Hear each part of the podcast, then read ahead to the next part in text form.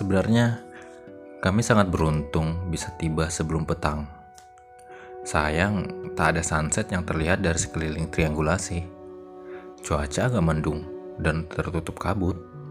Hanya awan putih yang menggelayut dengan posisi sejajar permukaan puncak rantai Mario. Kalau kalian pernah melihat lautan awan, seperti itulah adanya. Menikmati petang dari atas puncak gunung benar-benar lengang. Kami hanya berdelapan, sedikit pohon, dua tenda, perlengkapan seadanya. Benar-benar sunyi, kecuali celetukan kami untuk mengusir sepi.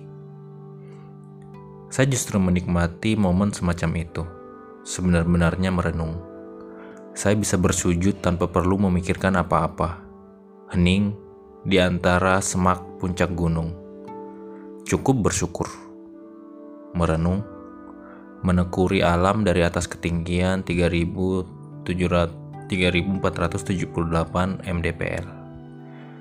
Dari puncak tertinggi dengan pemandangan lautan awan. Ada lebih banyak syukur yang mesti diaturkan.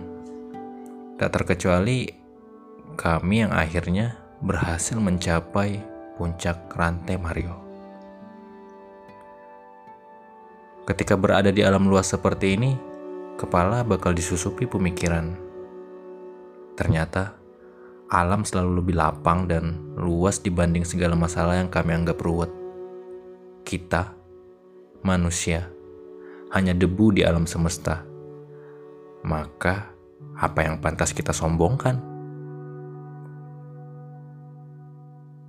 Langit di atas sana begitu lapang. Kenapa kita tak pernah bersyukur? Semakin jauh kita berjalan, semakin luas kita melihat, semakin lapang perasaan yang diperoleh. Akar dari syukur yang seharusnya terus dipelihara oleh setiap manusia. Saya bisa saja berlama-lama memandangi lautan awan di sekeliling triangulasi rantai Mario. Apalagi itu momen langka. Sayang, udara dingin memaksa kami agar berlindung di dalam tenda atau sleeping bag. Saya bisa merasakan dinginnya udara menunggui Milky Way di malam hari. Milky Way, jika kalian tak tahu, itu adalah sekumpulan bintang yang membentuk seperti jalur sungai di galaksi Bima Sakti.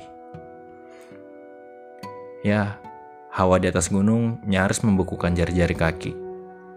Biasa, saya hanya berbekal sendal keluar malam-malam di puncak triangulasi. Sementara hembusan angin malam bisa mencapai suhu 5 derajat di atas sana. Saking dinginnya, saya sempat membakar jari-jari kaki di atas kompor. Nyaris melepuh tanpa terasa. Kalau bukan mencium bau gosong seperti bulu terbakar, mungkin saya tak akan mengangkat kaki dari atas kompor. Saking nyamannya pula dengan momen puncak rantai Mario, kami juga nyaris bangun kesiangan. Kalang kabutlah kami dibuat pagi-pagi karena baru sadar matahari sudah agak naik dan melewati batas cakrawala paginya. Weh, padahal bangun jak subuh-subuh, itu kamera ku biarkan saja ambil time lapse. Ucap Ohe yang ikut terburu-buru keluar tenda menyambut pagi. Lati Mojong, kami menjumpai pagimu. Lelah? Ya, jelas. Yang namanya pendakian pasti akan membuat kita mandi keringat. Akan tetapi, rasanya tetap menyenangkan.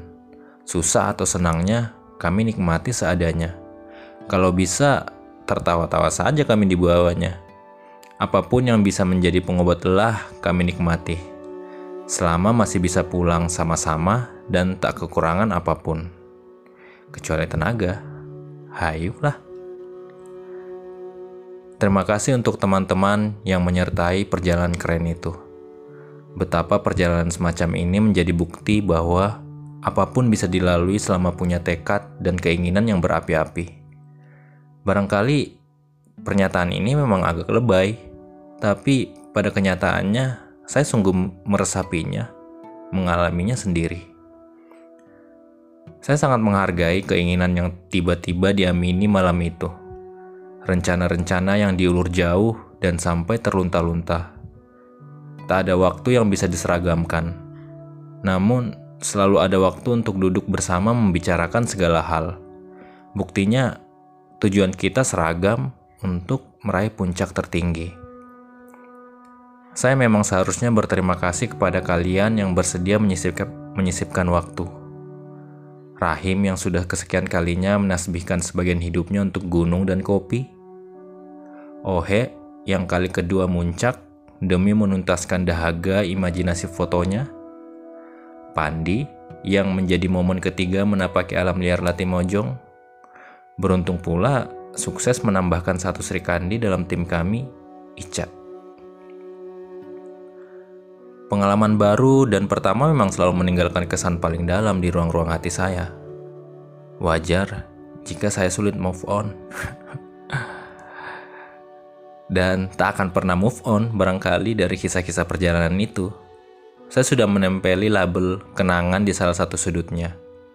Kelak, jangan sekali-kali mengajukan tanya soal Latimojong kepada saya. Jika tidak, cerita yang tak putus-putus akan meluncur dengan irama yang paling indah. Selesai.